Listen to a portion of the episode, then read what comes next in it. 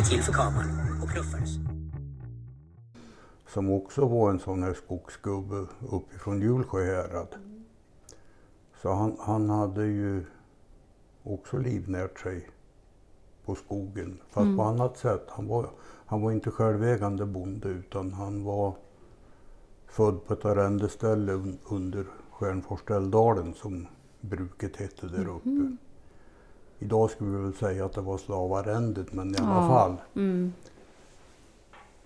Men morfar då, han, han eh, insåg väl på något vis att det här var inget liv för honom så han vart gruvarbetare. Men sen under 20-talet vart det ju väldigt stopp på gruvverksamhet med han hade flyttat med med gruvor så att min mamma då och hennes syskon de är födda i olika gruvbyar. Eller var. Ja. De är borta allihopa nu. Men Mm. Så att han, han fick, ja, som vuxen människa fick han återgå till att vara bonde då, Mm. arrendebonde. Men sen så småningom, när han slutade som arrendebonde på 40, ja under kriget, då fick han jobb på TGOJ, alltså järnvägs, järnvägen som går mellan Grängesberg och Oxelösund. Mhm. För Oxelösund var då exporthamn för malmen från Grängesbergsgruvorna. Okej. Så han var med och jobbade då när man elektrifierade den banan. Jaha. Och Grängesbergsgruvorna de gick ju bra länge sedan, in på 60-talet i alla fall. Så järnvägen här genom Lindesberg, det, det är rester kan man säga av malmtransporter. Vad häftigt.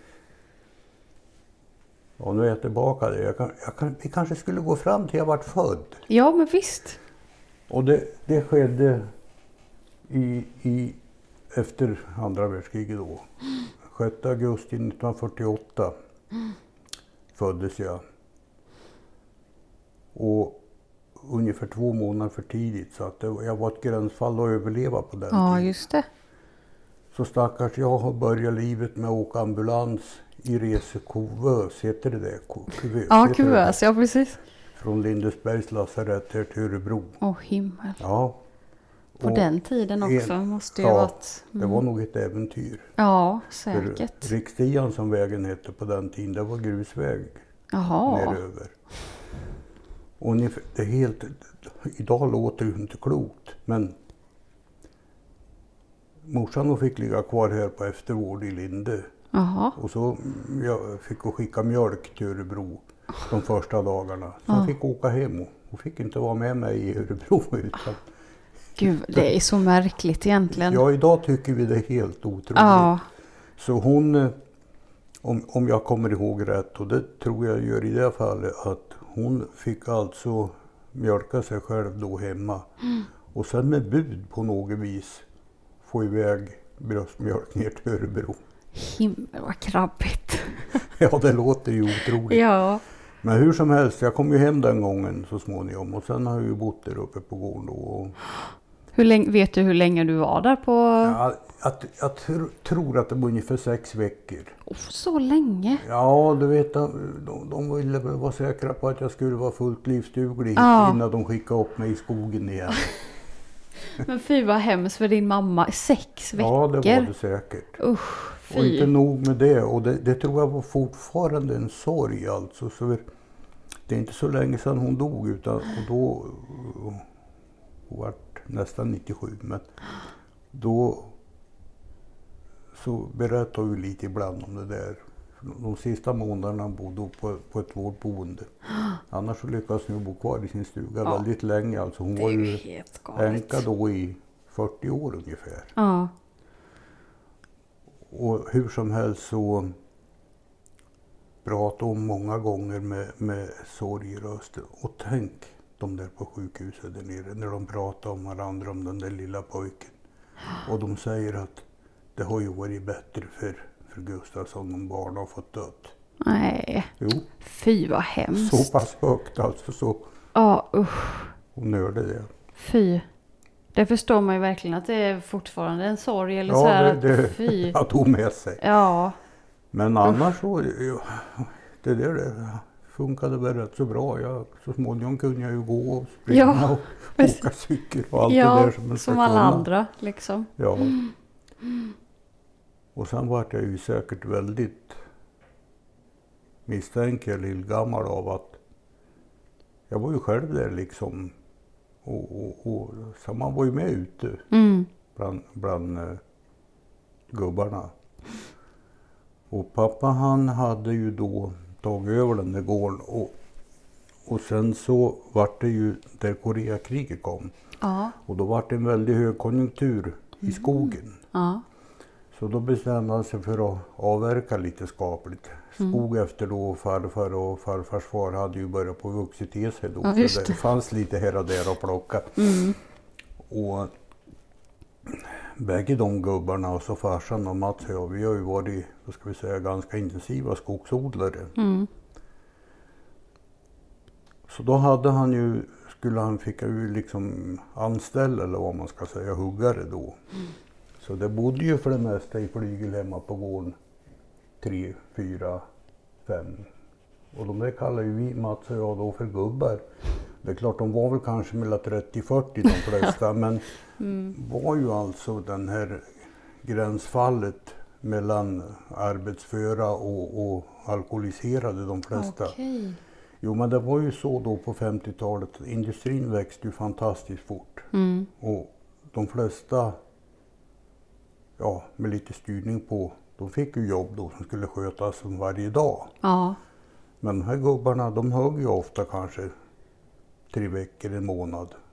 Och sen bar det iväg åt Örebro på svart sprit. ja, Och sen i bästa fall så kom de ju tillbaka. Och om det var sådana som kände igen då hade farsan en uppgörelse med lanthandlaren i Jöskvik att de fick ta ut en, en kartong med mat i och eventuellt sågblad till bågsågen om, det, om de behövde det. Och så stod farsan för den låda ifall de skulle försvinna med den. Men det där var hedligt folk så att ja, så of- ofta så hade de väl haft så pass mycket pengar som de hade tagit sig till Nora. Så farsan han löste ut många av de här ur Nora Taxi. De, ja, de ringde ju först och kollade om man skulle betala. ja, precis. Ja, sen gick det de där tre, fyra veckorna och sen var det samma resa igen. Ja. Men vad fint. Alltså det är ju jättefint ändå att få ge en chans till de, gubbarna då. Ja, om, om det var finhet eller om Eh. Eller- det var helt av nöden tvunget, det är lite svårt att säga. Ja. Det var väl en blandning därav. Ja. Men det var ju mycket färgstarka personer då som bodde på gården hemma. Det låter nästan lite liknande som luffare. Fast ändå inte Li- kanske, men Nej, liknar lite. Men det, lite grann åt det hållet. En del av dem var nog sådana som de andra. Mm. Men sen var det väl bättre då, särskilt i vintern, att kunna få bo där det fanns i alla fall vedspis och tillgång till vedbo. Ja, Och sen hade de ju, ja vatten fanns ju naturligtvis. Sen var potatiskällaren var öppen. Så Ja. potatis i, i källaren och mjölk i ladugården. Det var liksom en sån där löneförmån. Ja, om man nu. Om man nu kan kalla det så. och, men som sagt, hyggliga människor men och, ja, arbetsduktiga. Men sen att det väl varit lite tokigt ibland. Jag kommer ihåg en gång, det är faktiskt, det, den är rolig. Det var en man, han, han hette Hjalmar. Han var många år hos farsan. Han var nog en av de sista som var kvar. mm. Han eh, åkte till Örebro och vart naturligtvis full, ja, insydd för gångfylla. Mm. Och de visste väl inte riktigt vad de skulle göra med en. Men han uppgav ju då farsan som arbetsgivare. mm. Och ringde dem och höra, höra med farsan om det stämde att han hade en som hette si och så då. Hjalmar i förnamn i alla fall. Jo, det gör det. Ja, och nu är det så att vi har honom i arresten här för fylleri. Och det, det här är alldeles sant. Mm. Då säger farsan åt den här polisen som ringde. Om ni skulle ta och ta rätt på de där jävla busarna ni har i Örebro och låta mina huggare vara i fred när de har blivit lite fulla vore ju mycket bättre. och ja, det var farsan i ett nötskal Ja. alltså. Ja, och sen, ja, Strindon han kom ju hem då. Hemskickad från polisstation och utlöst ur taxin och då började ni hugga igen. Och sen hade det gått någon en månad eller vad det nu gick åt. För ofta så, så försökte farsan att göra så att han, han tänkte ut ungefär ett område som han bedömde var ungefär som ett beting. Mm. Man var inte värt att ta dem för stora för då tappade många liksom orken utan det var lite lagom så det Mm. räckte. Ja, det vart ju samma resa. In till Nora på tåget till Örebro. Och naturligtvis insydd igen. och sen, sen kommer ju, men den gången hörde de aldrig av sig utan då kommer Stin, ja nu höll jag på att säga efternamnet med, det behöver jag inte göra. Nej. Då kom ju Almar hem. Och in i lagen och sa att farsan, du hade imponerat bra på den där polisen vad han nu hette. Jaså, sa farsan, vadå? Jo, han frågade mig när jag började på nyktra till, är du kvar hos den där bonden uppe i skogen? Ja, där ska du aldrig sluta. ja, Det var ju faktiskt bra. ja. Mm.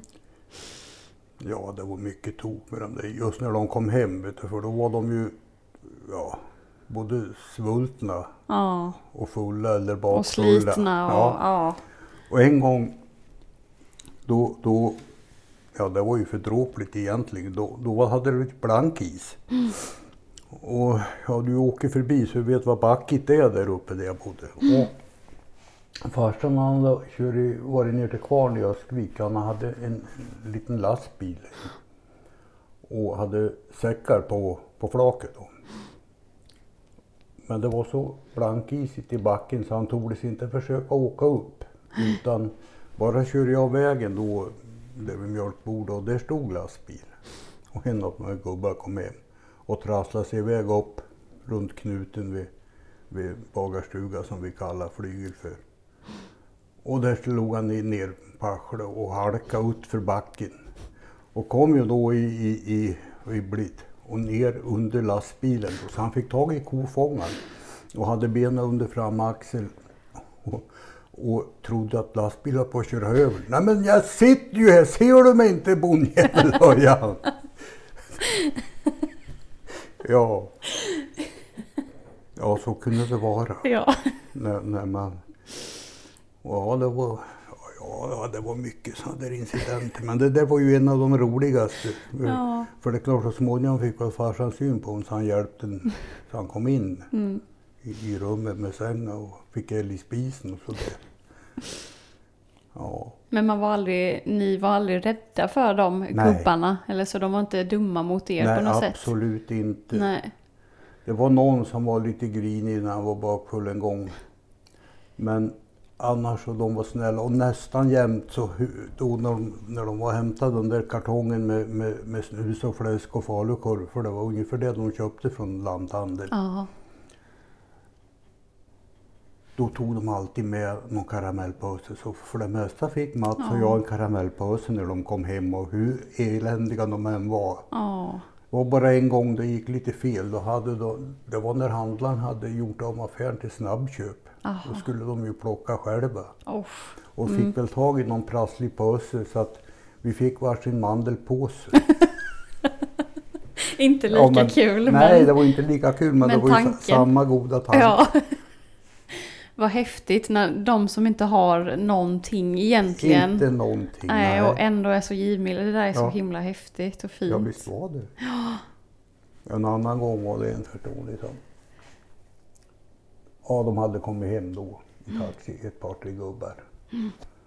Och sen fram på, på kvällskanten så hamrade vid ytterdörrar där på bagarstuga och morsan kikade väl ut och ja, då var det en av gubbar som höll sig och spikade upp ett, ett, en papp som det stod nog på. Med, för de, de hade i allmänhet en sån här grov typ blyertspenna som man hade att markera med när man eh, räknade i skogen och sådär.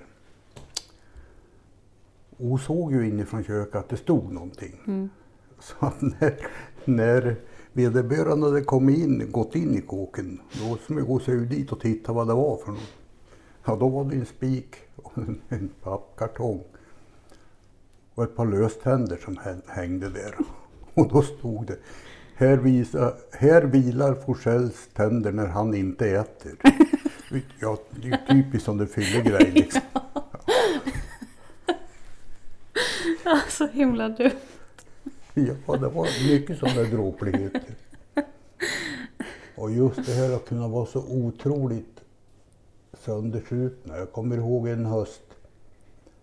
Då hade farsan och farfar de hade odlat ärtor. Och så hade de kört hem dem där och låg ja, på ladugårdsbacken kan man säga. Och sen, sen skulle det tröskas. Och då hade de tagit några gubbar hemma från skogen och, och två av dem de var riktigt dåliga. Och då var det alltid så då när de inte var i skogen utan jobbade med hemma på gården. Då var det ju liksom dagspenning och, och mat och kaffe till morsans förtjusning får vi väl anta. För det vart ju mycket gubb då kunde det bli. Nej, ja, hur som helst så jag antar det måste väl ha varit innan skolan började på hösten. Eller om det var en lördag. Vi var i alla fall hemma både Mats och jag. Och, och de, det, det var ju så hårda i oss så man slog igen alltså. Klockan tio var det kaffe och sen vid tolv, halv ett åt man middag och sen körde man ett par timmar och sen var det en paus igen. Och det kan ju låta lite, lite tokigt att slå igen maskin men alltså de, de jobbar så hårt här emellan så det var inte något fel på det. Nej. Ja, de slog igen då och, och tröskverket det var ett gammalt stort motellsverk och då hade, fanns det inte ström på gården så mycket så det kunde gå med elmotor utan då var det en traktor med, med remskiva på en mm. Chalmer bensinfotogenmotor som, som drog tröskverket. Ja, då slog ju farsan igen traktorn. Ja, nu är det kaffe. Ska ni inte med kaffe? sa han. Nej, för fan, sa Då hade de en mjölkflaska med vatten och de var så alkoholförgiftade alltså, så att de drack vatten och spydde direkt. Ja. Men likväl så var de med och öste. Så det var någon slags märklig arbetsmoral i alltihopa. Ja. Kämpade mot missbruket verkligen. Ja, fast... på något sätt. Ja. Mm. Nej, fy Ja, vad det hemskt. var, det var sådana gubbar. Men sen som sagt det här med skogen då. Och då i, i, i början där på 50-talet, men det här minns jag egentligen inte mycket av. För då var jag för liten eftersom jag var född 48 då och de höll på med kåken då. Ja, 51, 52. Men jag minns lite sådär skumt. Brorsan är född i februari 51. Och det har jag liksom lite dunkelt minne av när mamma kom hem med honom och kåken då, för de hade ingen annanstans att bo medan de rustade och de hade hela den där kåken hade de hissat upp lite grann och stuckit järnbalkar under så att pappa med hjälp utav några av huggargubbar som han tog hemma då, de, de grävde ut under så nu är det källarvåning under hela huset. Jaha. Och det var det inte förut utan det hade varit en, en, en liten hörnmatkällare. Och då kan jag minnas liksom att det var plankor där inne. De fick ju göra ordning något rum och liksom, det var som landgångar vi gick på. Och Mats var liten och skrek. Det var säkert så att, att han ha- var väl antagligen lite av ett kolikbarn. Mm. Men det var inte riktigt uppfunnet att man gjorde något åt det. Nej, just det. Ja, hur som helst så, så rustade de den där kåken ja, ganska totalt. Så att det kom in centralvärme, ja, vedpanna i källaren Oj, oj, och oj, ja. varm och kallvatten och elektrisk spis. För det hade ju bara varit ja, vedspis och kaminer före det. Men som sagt, det minns inte jag riktigt. Men att, att eh, det var en tuff period. Men då var de ju unga och morska både mamma och Ja, pappa precis. nat- naturligtvis. Och sen, sen flöt det ju på då i skogen och vi växte ju till oss. Och 1955 började jag skolan. Mm. Och det hade ju inte funnits någon skola uppe i Öskarbohyttan på jättelänge. Pappa var en av de få barn i Öskebohyttan som hade gått vad ska vi säga, alla sina sex år i, i skolan där före det så hade man ju haft, för folkskolereformen är ju gammal, så man Mm. hade ju haft skola i byn tidigare. Så att där nere i Brödra som vi säger, där han BG bor, Mm. där hade det varit skolsal på övervåningen. Jaha. Sen när det här lilla missionshuset där hantverket håller till, Mm. när det byggdes i slutet på 1800-talet, då uppläts eh, salen där till skola. Jaha. Så att eh, det, där borta i, i missionshuset, där gick min farfar i skola. Mhm. Ja.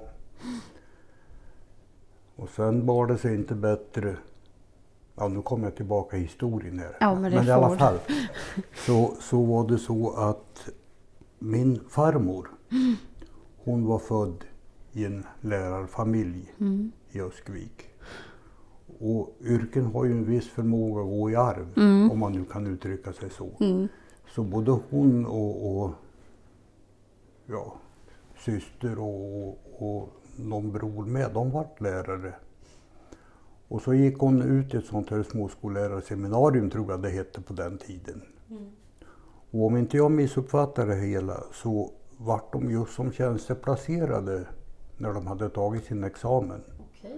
Och, och, och det är klart, hon, hon sökte väl kanske på sitt sätt att få någonting i närheten av hemma då eftersom de bodde i Öskevik. Så hon hamnade som, som småskollärarinna i Öskebohyttan. Och där fanns ju farfar. Och killar de är ju som de är. Och tjejer de kan ju hjälpa till också. Så att på det viset hamnade farmor som bondmora i Öskebohyttan.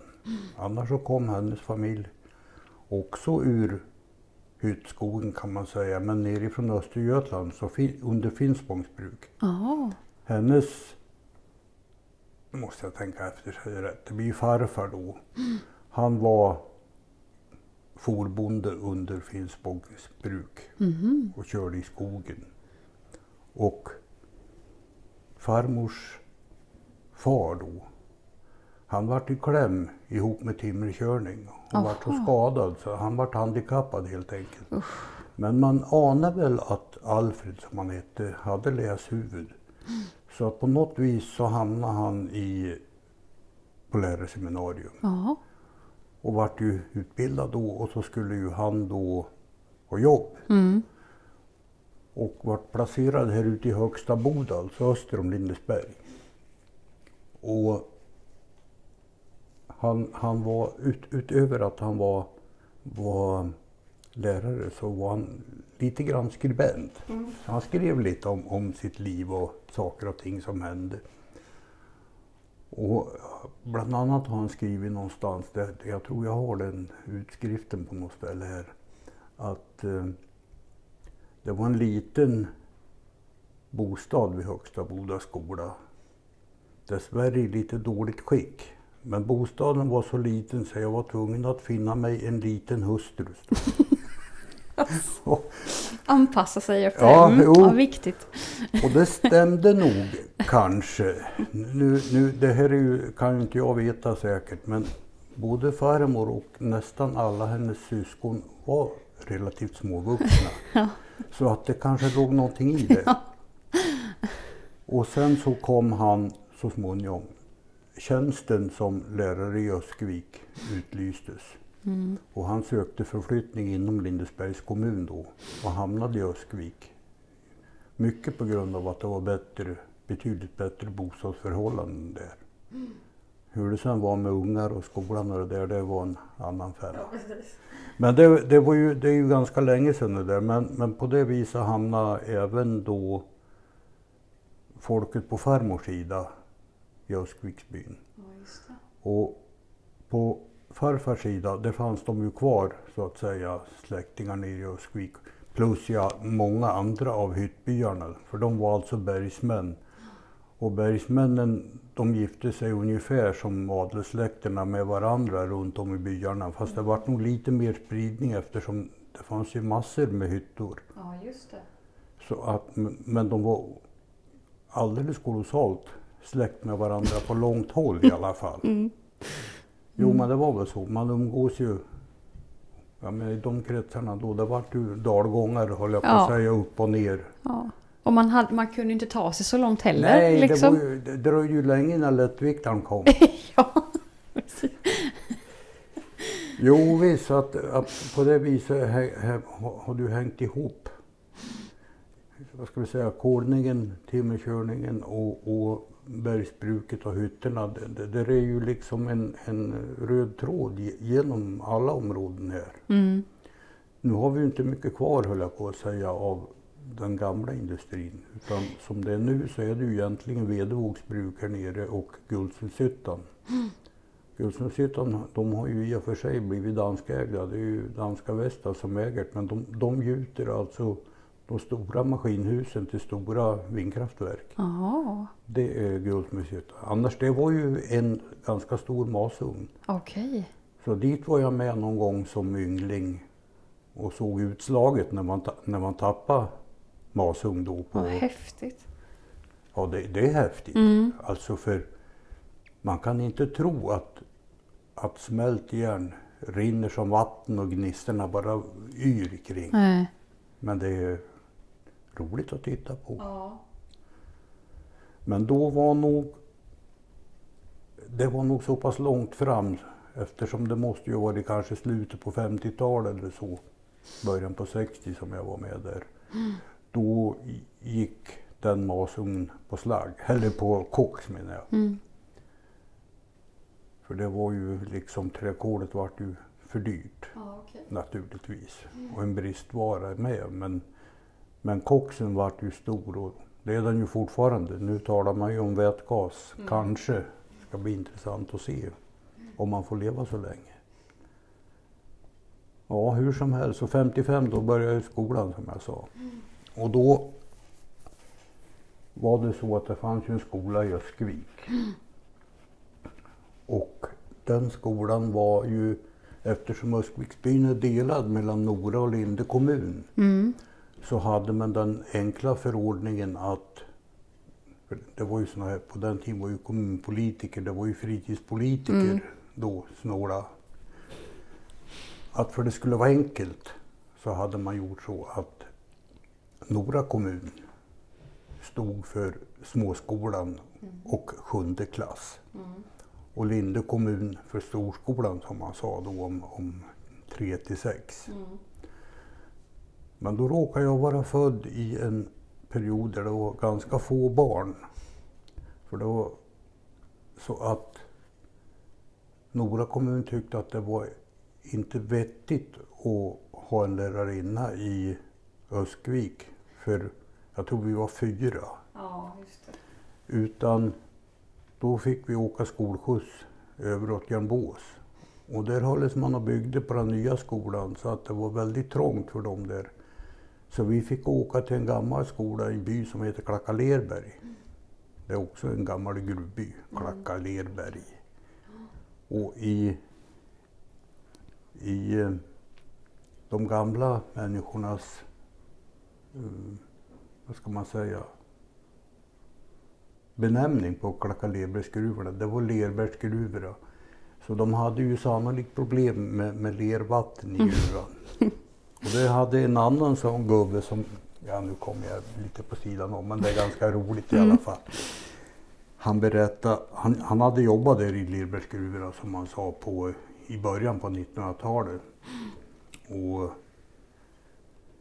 sa han, det, det söps mycket på den tiden. Jaha. Ja, det var så pass illa sa han så att även godtemplare vart fulla på, morgnar, på måndag morgon när de skulle ta stegar ner. Så dumt. Ja.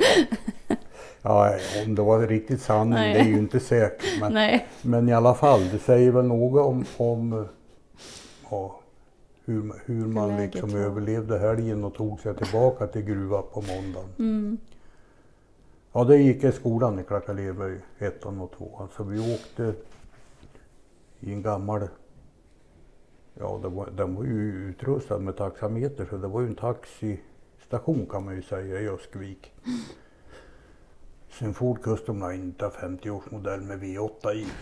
Det lät väldigt fint för oss andra som Ja, vi, hemma hade vi ingen bil överhuvudtaget. Nej, okej. Och annars så var det ju ja, någon Ford Anglia. Någon som var riktigt lyxig där i början på 50-talet lyckades ju köpa sig en Saab tvåtaktare. Men sen, sen kom jag ut till Öskvik då, med tredje klass började. Och det var ju samma taxikörare då från Öskebyhyttan ner till, till Öskvik. Sen var jag väl begåvad med någorlunda läshuvud så att istället för sjunde klass i Born som var avnämaren då, då skickade morsan in papper så jag hamnade på realskolan i Nora. Oj, oj, oj. Samma realskola, jo då. Mm. Så det gick jag då i fyra år och tog realen. Sen, sen var jag utsatt för en strid av både, morsan kanske inte så farligt, farsan inte alls, men farmor och någon faster till pappa och sådär. De ville jag skulle läsa vidare, men jag var, jag var nog lite skoltrött helt Mm. enkelt. Och sen förstod jag nog att skulle man läsa vidare då var man tvungen att börja på läsa på läxor ordentligt Mm. och det var inte riktigt min grej utan då började jag jobba hemma med farsan så att säga. Och sen som sagt han, han eh, ja, så lummade ju på då under 60-talet. Fick vi har gått till Örebro och göra värnplikten. Ryckte, ryckte väl in det 68. Och hamnade på ett ja, trosskompani som hette, alltså underhåll och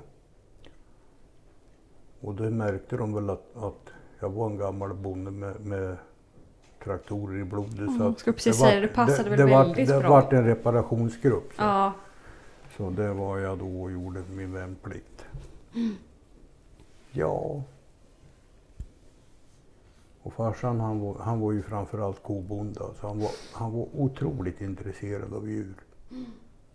Och ko, eller djuröga hade han. Så att han, han hade ju inte så jättemycket kor men han hade i alla fall en, mellan 20 och 30 kor och så ungdjuren att det. Där djuren de var, de var lite grann som hundar.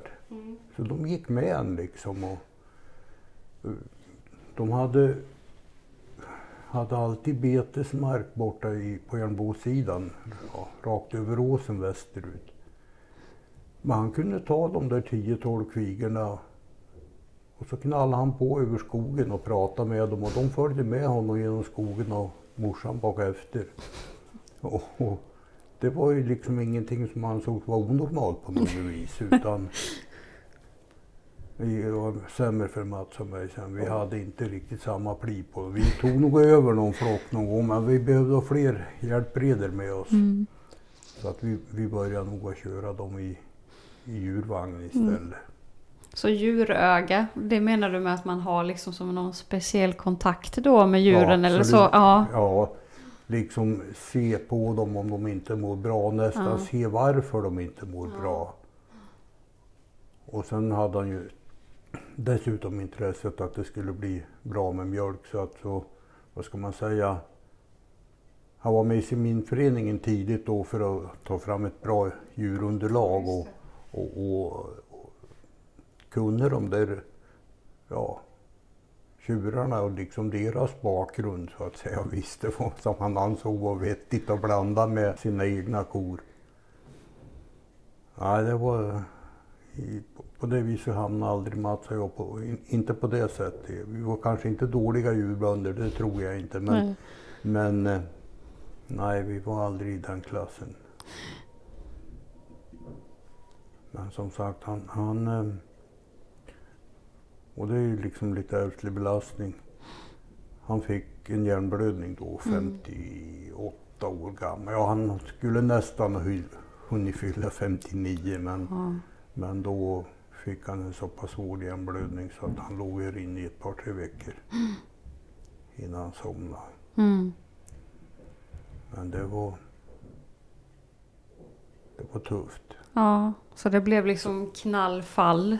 Ja, kan man säga. Så han var inte sjuk något innan dess utan bara... Nej, inte något mycket. Han, han hade ju, ja, han hade väl, höll jag på att säga, som jag, högt blodtryck och Ja, sånt där som skulle... Och ska vi säga att, att pappa misskötte sig lite grann.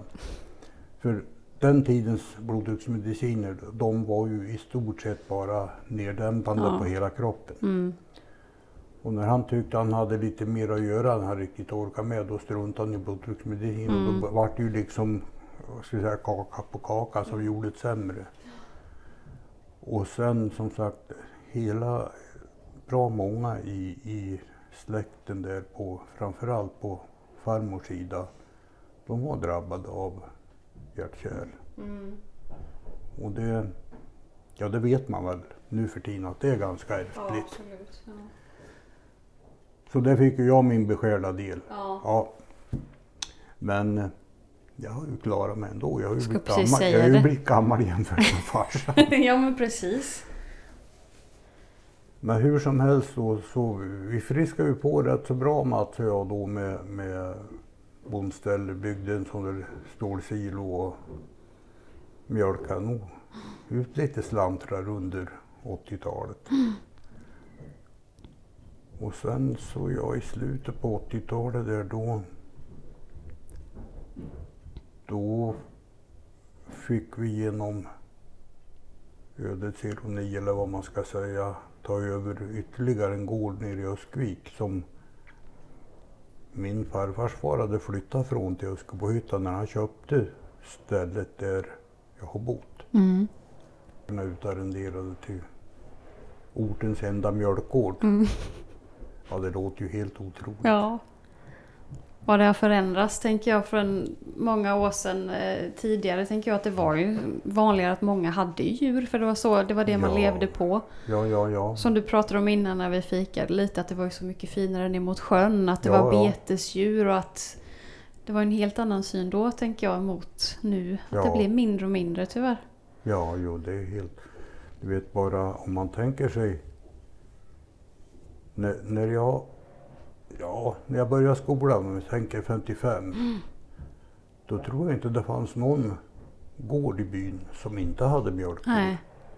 Även om kanske den, den minsta kanske bara hade fyra kor. Mm. Men sen då på slutklämmen när, då var ju Roland Peder borta i norra änden på byn och Mats och jag, vi hade ju kor. Roland höll på lite längre än vi men, men eh, vad ska säga, utvecklingen har gått som så att trots att det bara var vi och Roland kvar så hade vi nog fler kor då ändå Mm. än det var då på 50-talet när man kom brummande med flakbilen och hämtade flaskor. Ja, det är en otrolig utveckling. Om den sen är på gott eller ont, det beror lite på hur man ser på det. Men, men eh, naturvårdsmässigt så är det ju klart sämre. Mm.